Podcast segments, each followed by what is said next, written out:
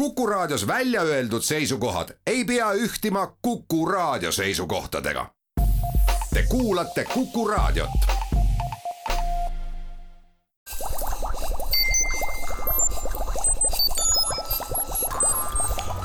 kukkuv õun.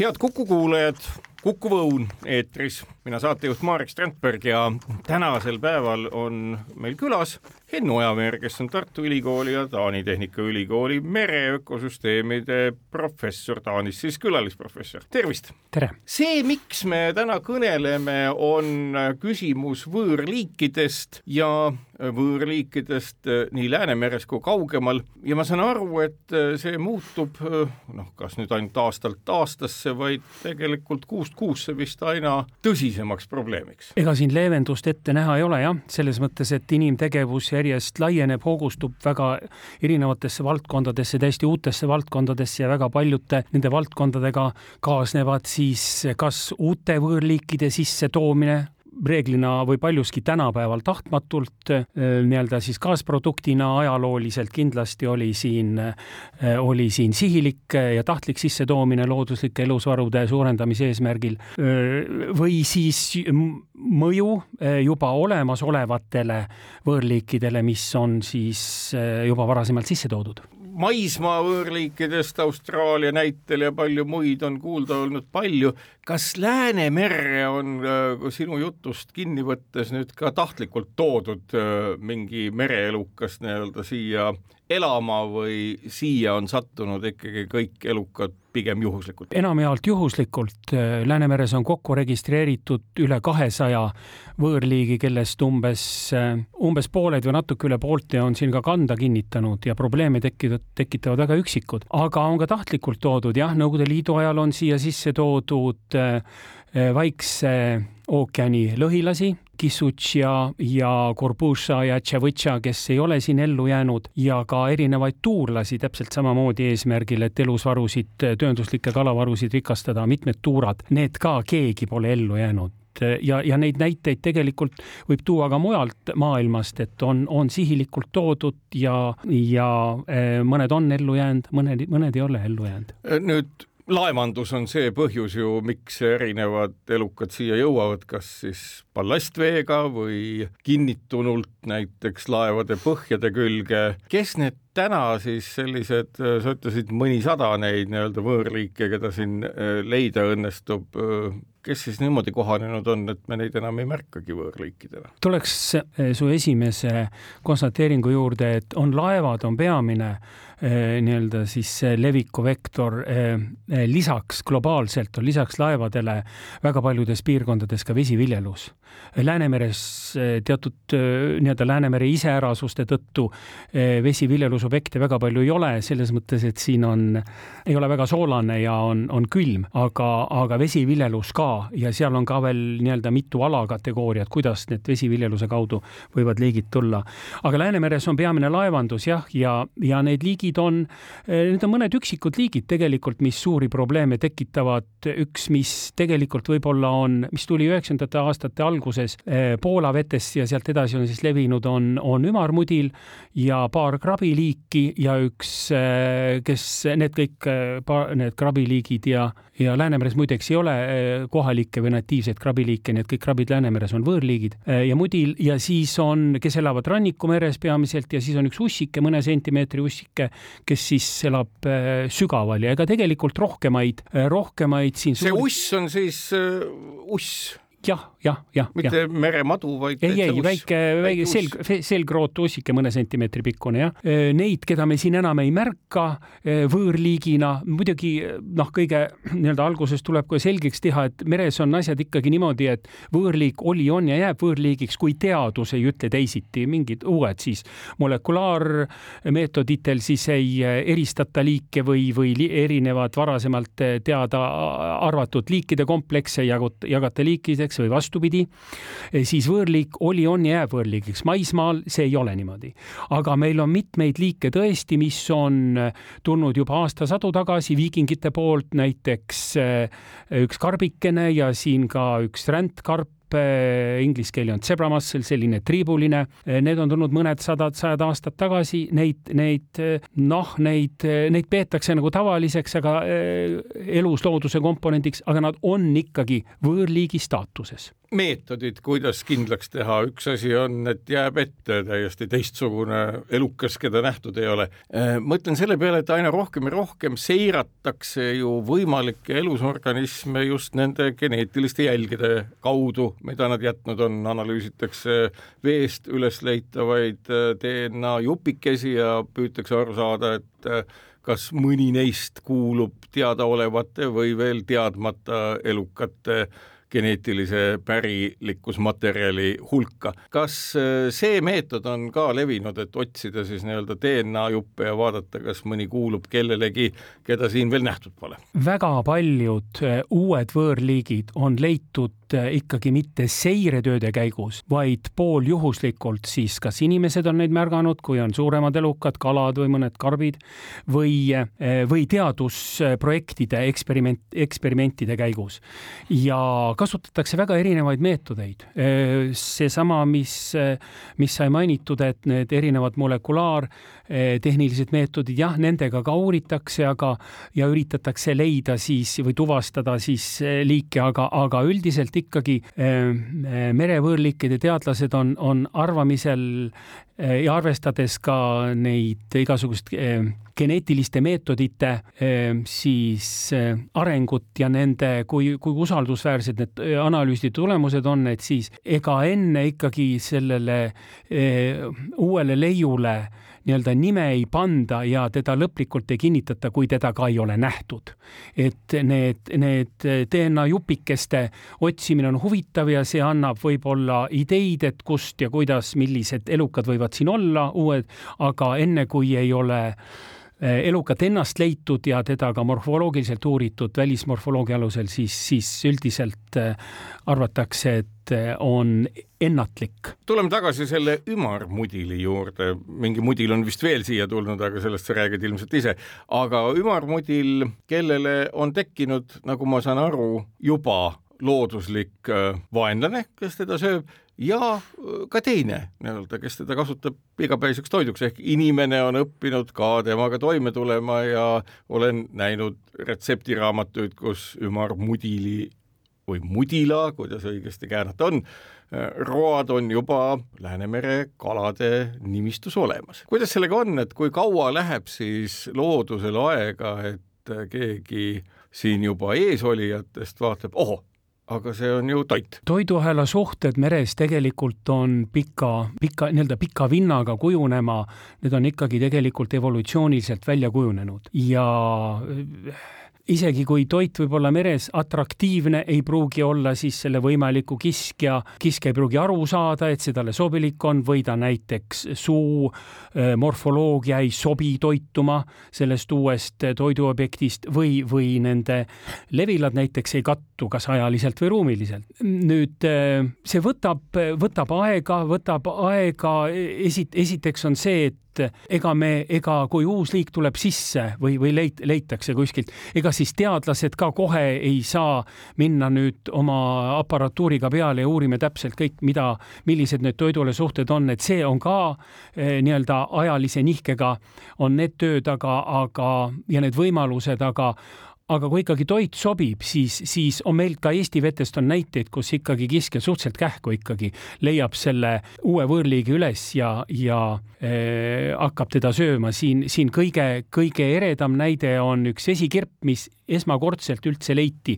Väljaspoolt looduslikku levilat, mis on Kaspia ja Musta mere piirkond, Pärnu eh, sadama piirkonnast ja Muuga sadama piirkonnast ja eh, juba aasta hiljem ta esmaleidu olid näiteks Ogaliku maod olid suvel paksult täis seda kirp ja ka Reim sõi teda juba sisuliselt kohe nii et need on ka eh, sellised, ütleme ka liigispetsiifiliselt on siin, on siin, on siin erisused. näiteks eh, teine näide, kus üks väike rändkrabi, keda on Rannikumeres väga palju ja, ja Rannikumeres on ka eh, nii-öelda kiskjaid üsna piisavalt kalu, ahven näiteks, kes võiks teda süüa, ega väga, väga aktiivselt ei söö, sellepärast et seal kas, kas ajaliselt, ruumiliselt nende levikud ei kattu või, või ei, ei, ei mahu see suhu ehk äh, liiga suur, liiga lapik. liiga lapik ja hambad ei hakka peale. haug ei tule siin appi? krabide puhul äh, haug ei ole selline klassikaline merekala. haug on ikkagi pigem, pigem mageveekala ja eh, haugi ei ole kohanud jah, et haug oleks, oleks neid eh, väikseid, väikseid rändkrabisid söönud küll, jah. siinkohal teeme saatesse väikese pausi, kuulake meid pärast vaheaega. kukkuv kukkuv õun jätkub, külas Henn Ojaveer, Tartu Ülikooli ja Taani Tehnikaülikooli mereökosüsteemide professor, mina saatejuht Marek Strandberg, räägime võõrliikidest meres. nüüd, kui me räägime, et võõrliigid tekitavad tohutult segadust ja muud asja, kuidas näeb välja siis näiteks see, et mida ju kõneletakse väga palju, et inimene, kes kasutab ökosüsteeme erinevate ökosüsteemsete teenuste saamiseks, noh, selline hästi konsumeristlik nimetus, siis millise teenuse näiteks ütleme, see sisserännanud krabi või ka mudil inimese jaoks siis untsu keerab? ma natukene keeraks selle küsimuse ümber keerame, meil on selleks äh, aega, võimalust ja kõike. ja et äh, siin me päris nüüd ei saa öelda, et need võõrliigid kõik kohe untsu keeravad, nad muudavad, nad muudavad teatud protsessi ühes suunas, teatud protsessi teises suunas. mõned on inimesele kasulikud, äh, isegi kasulikud, mõned on negatiivse märgiga.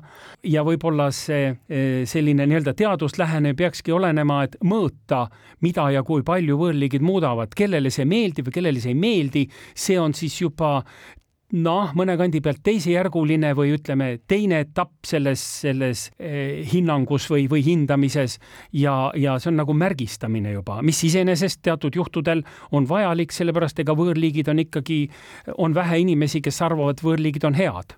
Nad vahel teevad ka head nüüd, eh, kui me räägime, et mis nad untsu keeravad, siis jällegi on, on, on noh, paar, paar väga elulist näidet tuua, seesama, seesama väike ussikene, mis siis, mis siis Läänemeres, üle kogu Läänemere ja seal on ilmselt mitu liiki elab, ta muudab ikkagi eh, eh, läbi oma elutegevuse, ta on põhjas, ta võib kuni neljakümne sentimeetri sügavusele põhja setetesse kaevuda, ta muudab seal täiesti keemilist olukorda, füüsikalisi, nii vee kui ka põhja, põhjasetete füüsikalisi omadusi ja muudab ka aineringet, muudab fosfori aineringet ja teatavasti Läänemere Keskkonnakaitsekomisjonil on omad fosfori ja ka lämmastiku siis siis äh, majandamise eesmärgid, et neid tuleb vähendada vees, kuna, kuna eutrofeerumine või siis vee, vee kinnikasvamine on Läänemere kõige suurem keskkonnaprobleem. kas see ussike toob siis fosforit uuesti ja, vette ja,? jah, ja ta toob sealt muidki, ka muid asju vette ja mõned muud liigid ka, kes seal põhjas elavad, elavad karbikesed, need ka tegelikult toovad aineringlusse veefaasi tagasi aineid, mis on äh, varasematel aastatel ja varasematel aastakümnetel äh, ette eh, siis põhja sadestunud läbi, läbi kas siis, kas otseselt veefaasi toovad nii-öelda need aineringlusse tagasi või läbi selle, et ne, nendest kalad söövad, kalad toituvad.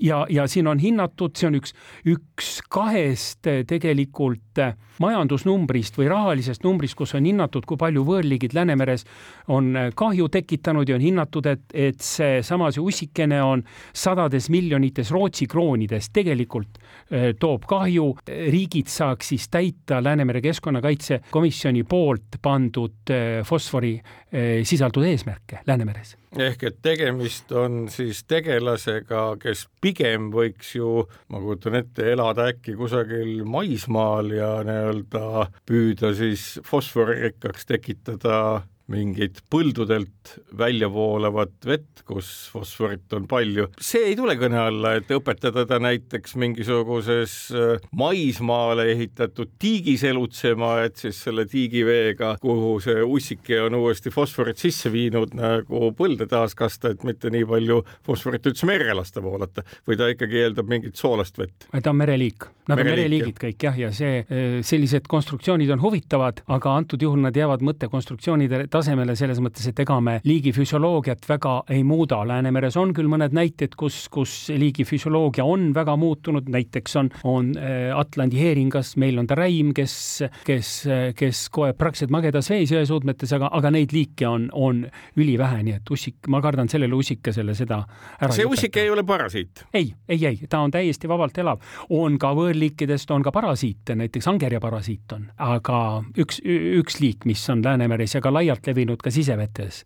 nii et kes, kes tõenäoliselt põhjustab ka noh, angerjavarudele natukene, natukene kahju aga jah, see ussike on täiesti vabalt elav ussike, üks hulkharjas ussike. nüüd, kui me edasi võtame, kõnelesid vesiviljelusest, mis siis ilmselt tähendab kõike, nii kalakasvatust kui ilmselt ka vetikate kasvatust ja nii edasi.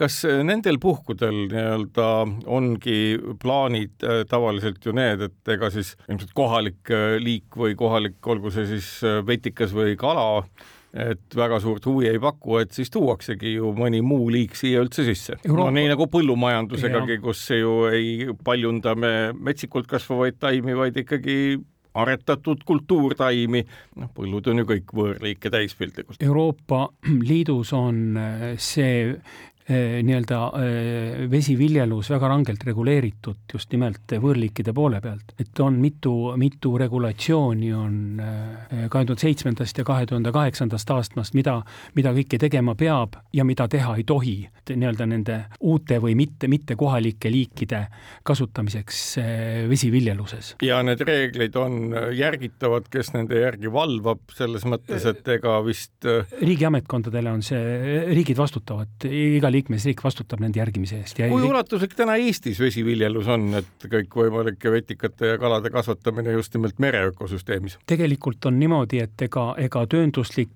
kalapüük siis, siis vabalt elavate kalade sinna alla kuuluvad siis ka tegelikult mitte ainult luukalad, vaid ka ütleme, kõik need, need karbid ja, ja, ja selgrootud. see on ikkagi maailmas äh, saavutanud oma tipu või sellise taseme, kust enam ülespoole minna ei saa, kus, kus äh, püügi intensiivsuse suurendamine ei vii mitte kuskile muidu kui majanduslikku kollapsisse või, või nii-öelda majanduslikult ei ole tasuv ja samamoodi ka Läänemeres on ikkagi kalasaakide tipud olid kuskil siin jäid, jäävad mõnekümne aasta taha ja vesiviljelus on tegelikult ainus, mis globaalselt seni on kasvavas trendis.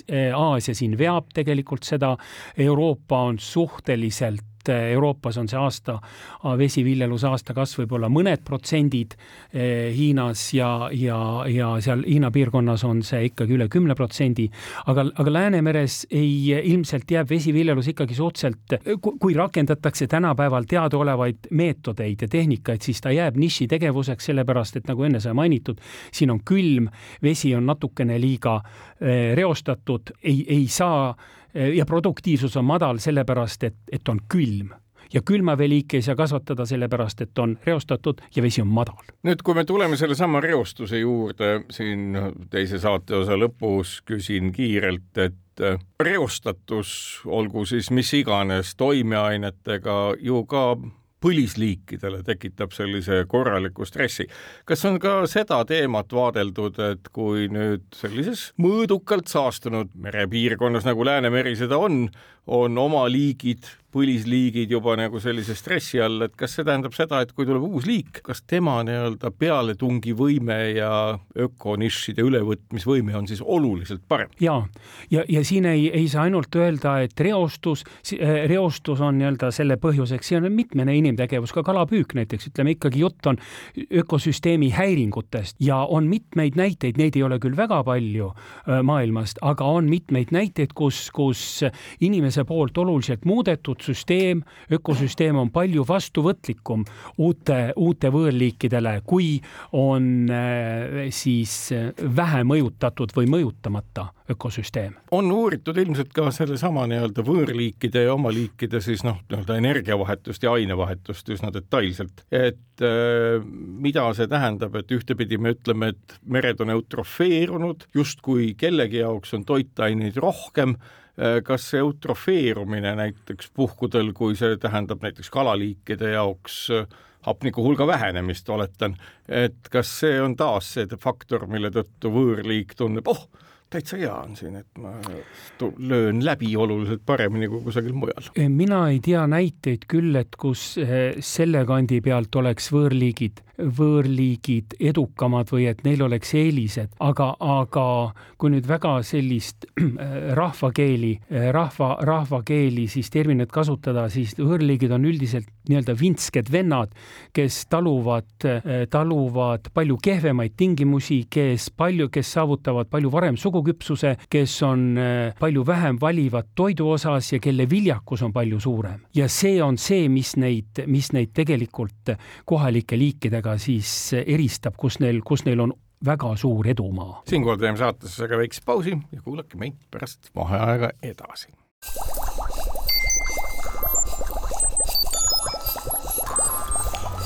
kukkuv õun head kuulajad, Kuku Õun jätkub, külas Henn Ojaveer, Tartu Ülikooli ja Taani Tehnikaülikooli mereökosüsteemide professor, mina saatejuht Marek Strandberg. nüüd jõuame selle teema juurde, mis puudutab neid sõidukeid ja vahendeid, millega võõrliik siis Läänemerre või ka kaugemale meist jõuab. mida saab üldse teha laevadega, laevakeredega ja kas peaksid olema mingid eraldi regulatsioonid, et stopp, ennem Taani väinadest läbi ei saa, kui on läbitud mingid protseduurid, kas see üldse tuleb kunagi kõne alla? no neid äh, protseduure siin on äh, juba aegu tagasi alustatud, nende loomist, tekitamist äh, ja loomulikult on meetmeid, mis vähendavad võõrliikide uute võõrliikide sissetuleku riski, aga, aga me peame noh, endale selgelt aru andma, et et kõige odavam kauba vedamise viis on laevadega ja niikaua, kui inimene prioritiseerib odavama kauba, siis võõrliikide tulek on paratamatu, et me saame vähendada riske, aga me ei saa, ma arvan, mitte kunagi ei ole inimene võimeline nii-öelda seda, eh, seda uute võõrliikide sissetulekut vähendama. nüüd eh, on, on mõned globaalsed või üleilmsed regulatsioonid, üks on siis see ballastvee käitlemise konventsioon, mis on nüüd jõus juba ja siis äh, milles see sisu on sellel konventsioonis? no lühidalt öeldes sisu on selles, et, et vähendada elukate arvu ballastvees, ballastvees ja seal ballastvee mahutites olevates siis põhjasetetes. mida tehakse, filtreeritakse, hävitatakse? E, jah, seal on, seal on neid, seal on väga palju meetodeid nii-öelda, kuidas seda teha, on keemilised töötlemised, on füüsikalised töötlemised, filtreerimised, on ultravöötkiirgusega, on osooniga. Neid, neid meetodeid on väga erinevaid. ükski neist, mitte ükski neist ei ole absoluutselt universaalne ja kindlasti ei, ei üks ja seesama meetod ega, ega ega regulatsioon ei sobi näiteks Brasiiliale, Eestile, aga kindlasti see on palju parem kui ilma regulatsioonita. ja, ja teine väga oluline võõrliikide, uute võõrliikide sissetuleku tee, nagu enne sai mainitud, on siis laeva kere külge kinnitumine, igasugused, seal on igasuguseid laeva keres, igasuguseid urkaid ja augukesi ja, ja lõhesid, kuhu kõik need, kui võõrliigid saavad eh, pugeda laevakere küljel, küll, laevakere küljest on leitud eh, kõige rohkem poole meetri äh, paksune vetikakiht, kus siis elu kihas äh, kõvasti, kus olid nii kalapasseid kui ka selgrootuid kui ka, äh, kui ka muid elukaid, loomset ja ka taimset hõljumi.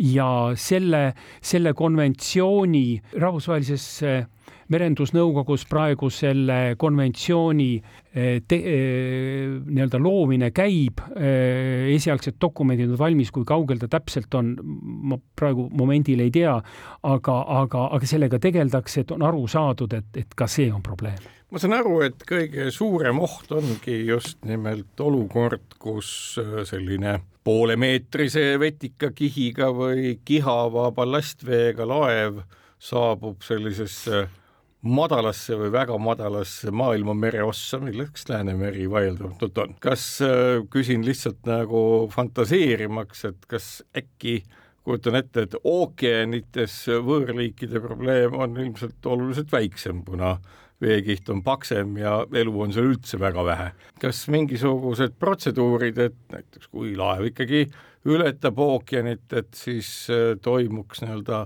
dünaamiliselt ballastvee vahetus kas ka selline protseduur on välja mõeldud, sellepärast et kujutan ette, et kusagilt keset Vaikset ookeanit või Atlandi ookeanit, mis ju toitainete mõttes on meie arusaamist mööda täielik kõrb, midagi seal ei kasva ega ela, see võiks olla ju selline öö, korralik lüüs või vaheetapp ja enamus võõrliike elavad ikkagi rannikumeres, madalal meres, kus on valgust, kus on soe ja kus on toitu. Ja avaookeanis on, on tõesti, on võõrliikide probleem, on, et olematu, aga, aga ta ei ole võrreldav rannikumere omadega.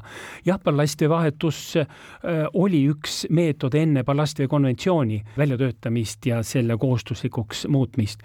aga seal on, seal on mitmed agad, aga on see, et, et laev ei tohi kõrvale kalduda oma, oma ette planeeritud trajektoorist ja peab olema eh, ballasti vahetus peab olema täiesti ohutu nii laevale kui meeskonnale ja kui on torm eh, kõva tuul, siis ballastvee vahetust eh, ei ei toimu, sellepärast see on oht inimesele, oht laevale.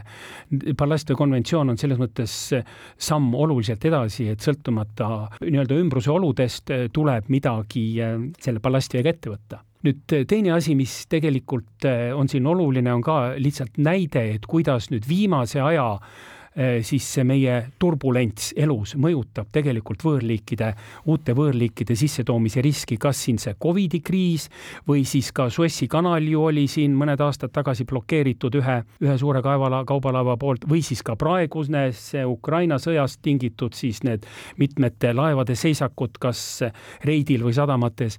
laevad ja äh, laevad on, saavad ühes kohas palju kauem olla kui varem ja sellega antakse uutele liikidele aega, liikidele aega, et koha pealt siis nad eh, on eh, palju eh, rohkem ja palju jõulisemalt suudavad need liigid siis kanda, kinnitada laeva kireküljes ei, ma just algul mõtlesin, et on täpselt vastupidi, et ei, liiklust vähem ei, ja võõrlikke kauem, et on hoopis teistpidi. ei ole, nad on pikemat aega ühe koha peal ja sellega antakse liikidele suurem võimalus laevakire külge kinnitada, ehk teisisõnu risk, et neid siis ühest kohast teisi viiakse laevakire kaudu, tegelikult on märgatavalt suurem ja see on globaalne probleem, see ei ole ainult, eh, ei ole ainult ühe koha probleem või sealt Suessi kanali ümbruses näiteks, mis on peamine siis kanal, eh, kanal siis ütleme noh, nii-öelda kauba, kauba toomisel Euroopasse läbi Suessi kanali tegelikult liiguvad laevad üle kogu maailma ma mõtlen selle peale, et üks ju oht, mis meil täna siin on, on see, et kõik need Vene Föderatsiooni sõjalaevad pendeldavadki ju enam-vähem Musta mere ja ka ütleme,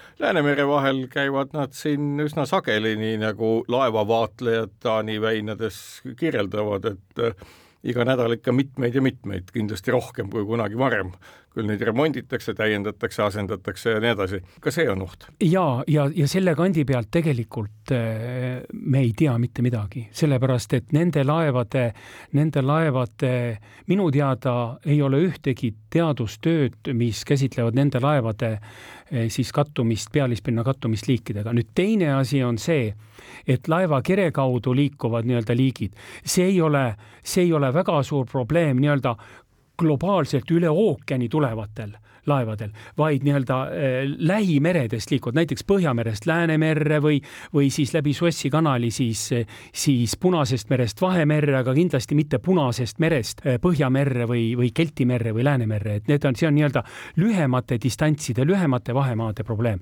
kui ballastvesi on tegelikult nii-öelda pikkade vahemaade probleem mainisid siin poolemeetrist vetikakihti ühe laeva peal kui maailmarekordit, et kas on teada ka mõned maailma piirkonnad, kus selliste võõrliikide invasiooniga merealadele on no oluline hulk liike üldse välja vahetunud või olemasolevad ära kadunud, et Läänemeri, ma saan aru, on kõige uuritum, aga kas on ka mõni nii-öelda dramaatilisem piirkond kui Läänemeri veel?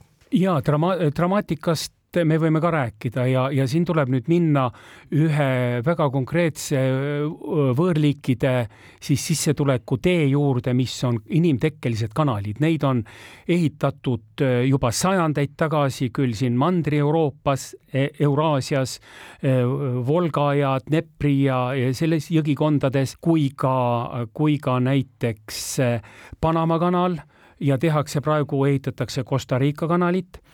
väga paljudes suurtes kanalites on nii-öelda mageveelukud, näiteks Panama kanalis, mis, mis oluliselt vähendavad uute võõrliikide siis sisse too-, nii-öelda vedamist ühest mereosast teise ja aga on üks kanal maailmas, kus, mis ehitati juba tuhat kaheksasada kuuskümmend ja kus ei ole mitte mingeid nii-öelda preventiivseid meetodeid, see on Suessi kanal, mis ühendab eh, Punast merd Vahemerega ja hiljuti äh, kui mind äh, paar aastat tagasi äh, sooviti eksperdina nende, nende seal selle Suessi kanali, läbi Suessi kanali toodavate äh, nii-öelda võõrliikide ekspertpaneeli, kus siis olid, olid muideks ka Egiptuse aseministrid olid kohal. ja huvitav on see, et vot sinna ehitati põhimõtteliselt paralleelne kanal juurde just hiljaaegu avatud. ja, ja huvitav on see, et maailma, Maailmapanga rahadega eirati kõiki, kõiki ettekirjutus ja soovituslikke meetmeid, mis on erinevad ÜRO allasutuse poolt, allasutuste poolt ja ehitas, ehitasid Euroopa firmad. ja läbi, läbi Suessi kanal on nüüd tehtud palju sügavamaks ja palju suuremaks, kui ta oli varem ja Vahemeri on nii-öelda Suessi kanal ja Vahemeri on nii-öelda maailma võõrliikide probleem.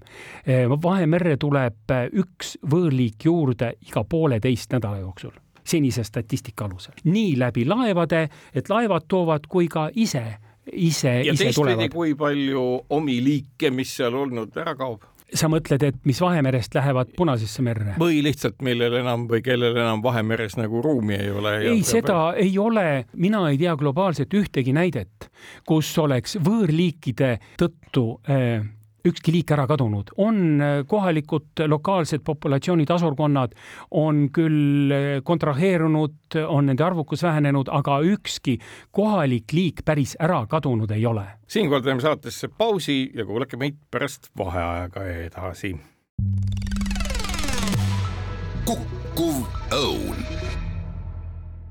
head kuulajad, Kuku Õun jätkub külas Enn Ojaveer, Tartu Ülikooli ja Taani Tehnikaülikooli mereökosüsteemide professor, mina saatejuht Marek Strandberg. kõnelesime siin äh, võõrliikide küsimusest, kus nii-öelda Punase ja Vahemere vahel nad üsna vabalt liiguvad. üks asi, mida tahtsin pärida, on see, et äh, no nii-öelda võõrliik, nagu sa ütlesid, hästi sigiv ja hästi krapsakas tegelane, et äh, kas on ka selliseid uuringuid, mis noh, süviti vaataksid siis kogu selle võõrliigiks osutuvate erinevate meres elavate isendite genoomikat ja seda, et eh, mis siis selle elujõu taga on no lihtsalt oletan selle peale, et eks meil ole siin vaja ju tõenäoliselt järgmise saja aasta jooksul vaatama hakata, et millised on need elujõulised elukad, keda näiteks Marsile kaasa võtta, et seal nagu ilusamat elu tekitada.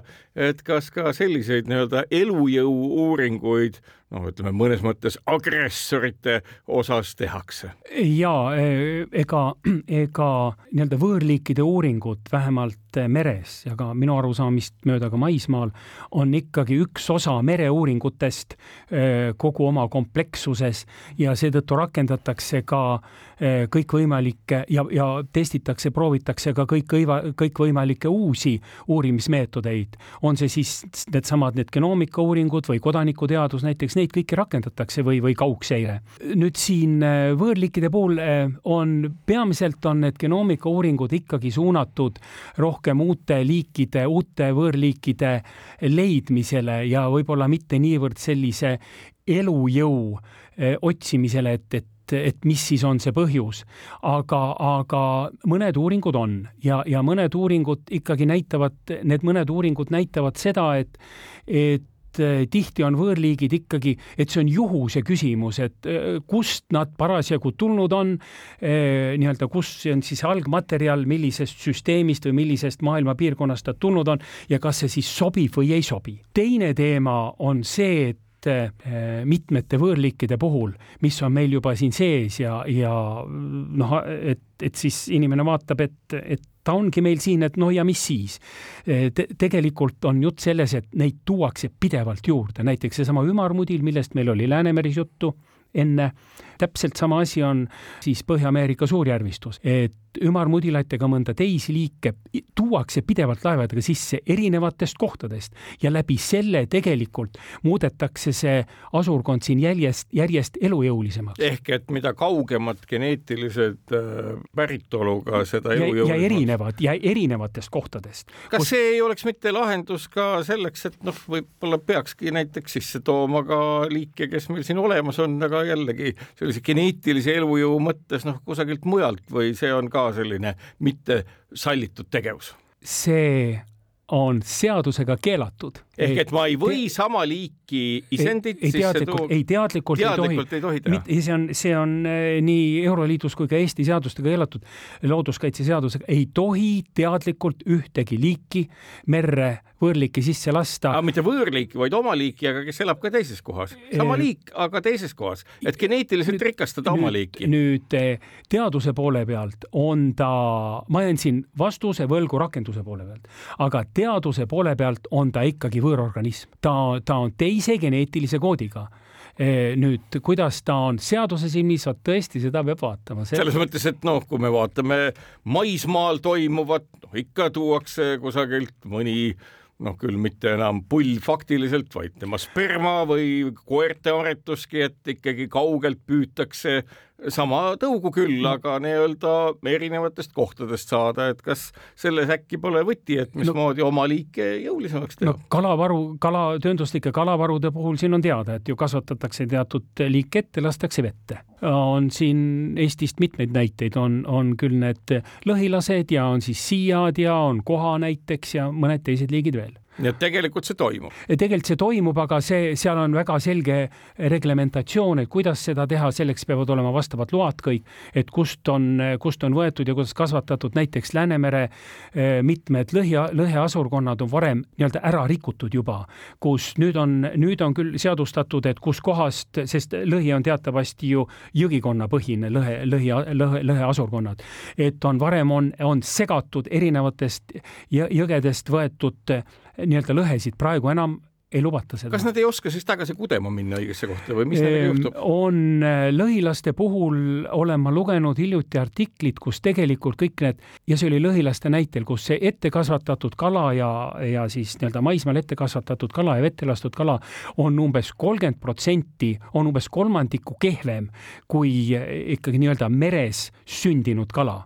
tal on mitmed, mitmed, mitmed reaktsioonid on teistsugused, mitmed reaktsioonid on nõrgemad, ta ei suuda, tal ei ole instinkte, piisavalt tugevaid instinkte, et, et varjuda, et ennast vaenlase eest kaitsta. nii et selles mõttes ta, ta ei ole võrreldav, ta ette kasvatatud, ette kasvatatud kala, mis on merre lastud, ta, ta ei ole kindlasti oma elujõulisuse poole pealt võrreldav meres sündinud ja meres kasvanud kalaga.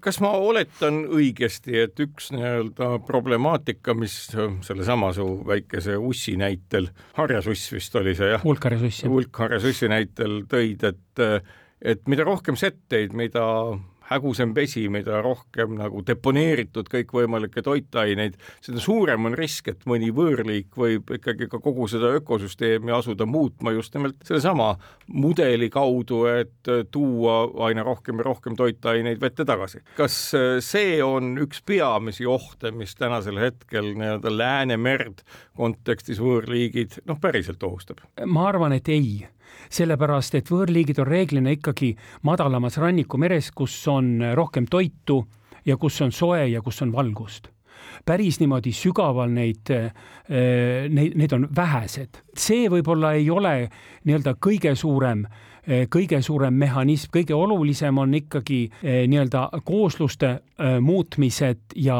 toiduahela suht, toiduahela suhete muutmised ja aineringe muutmised läbi toiduahela.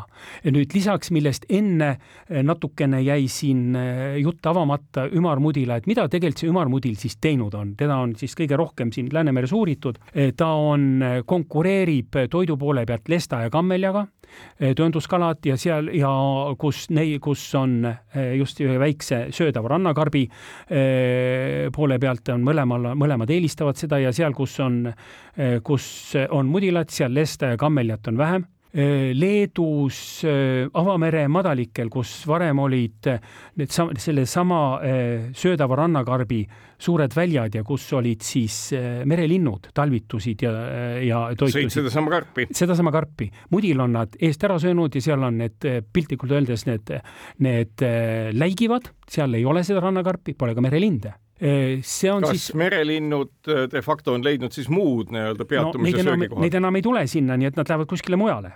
nüüd, mis on mudila puhul positiivne, on see, et on mõned näiteid, et et röövkalad söövad mudilat, tursk näiteks eh, Läänemere lõunaosas ja näide on ka kohast Kiili kanalis ja seal, kus on ümarmudilat eh, ja kus on näiteid tõesti, et need röövkalade maost on neid leitud, seal on nad palju kogu, kogukamad, kasvavad kiiresti. nii et see on nüüd nii pluss ja miinus tegelikult ja inimesele, inimesele on, ega ümarmudil on ju eh, seal Kaspia ja Musta mere piirkonnas töönduskalasi on kümneid tuhandeid tonne, mis püütakse. mina küll ei saa aru sellest jutust, mis ka nüüd hiljuti Eesti eh, ühes, ühes lehes ilmus, et Läänemere kala on inimesele mürgine. ma arvan, et Läänemere kala kindlasti ei ole inimesele mürgine, minu arust palju mürgisemad, eh, palju teadmata, palju rohkem teadmata on selle nii-öelda lihasisaldus, mida me ostame meie poodidest, mis on nendele eh, siis loomadele toidetud sisse, me teame, mis on Läänemere kalades sees ja see on suhteliselt hästi teada ja ma küll ei ütleks, et ärge sööge Läänemere kala või mudilat, ma arvan küll, et, et seda on väga kasulik süüa. üks asi veel, mida ma küsin ookeanites ehk võõrliike ei ole, et hakkan praegu mõtlema, et tegelikult ju ookeanites hoovused meeletud, eks ole, globaalselt, küll Vaiksest ookeanist India ookeanisse, sealt edasi Atlandi ookeanisse, põhjahoovused, pinnahoovused kuidas on, et kas seal on need liigid, kes elavad nagu rohkem segatud ja on nende ookeanite põhi ja ookeani elukad siis rohkem ühetaolised, et me ei saagi rääkida nendest võõrliikidest, et need ongi nagu selliste soppide küsimused, rannalähedaste suletud pooljärvede, nii nagu Läänemeri on küsimus, et nagu ookeanis on kõik ühtlaselt ära segatud niigi. jah, nad on, see, see, see on nii jah, ja, ja ilmselt on ka keskkonnaküsimus see et äh, võõrliikide nii-öelda klassikaliste võõrliikide siis mõned nii-öelda siis isikuomased äh, parameetrid on sellised, mis ei, ei, ei kannata neilgi hakkama saada päris avaookeanides, kus on valgust vähe, kus on toitu vähe, kus äh, ei, ei saa, ei saa mitte niivõrd öö, oma nii-öelda tulevikku rajada, siis ekspansiivsele ja kiirele kasvule pead, vaid peadki olema ökonoomsem ja nii-öelda konservatiivsem strateeg ener-, oma energiamajanduse eh, poole pealt. aitäh, Enn Ojavõrd said tulla rääkima võõrliikidest, päris huvitavaid fakte ja seoseid. sellega on meil Kuku Õuna saade läbi. kuulake meid jälle täpselt nädala pärast ja kaunist päeva teile!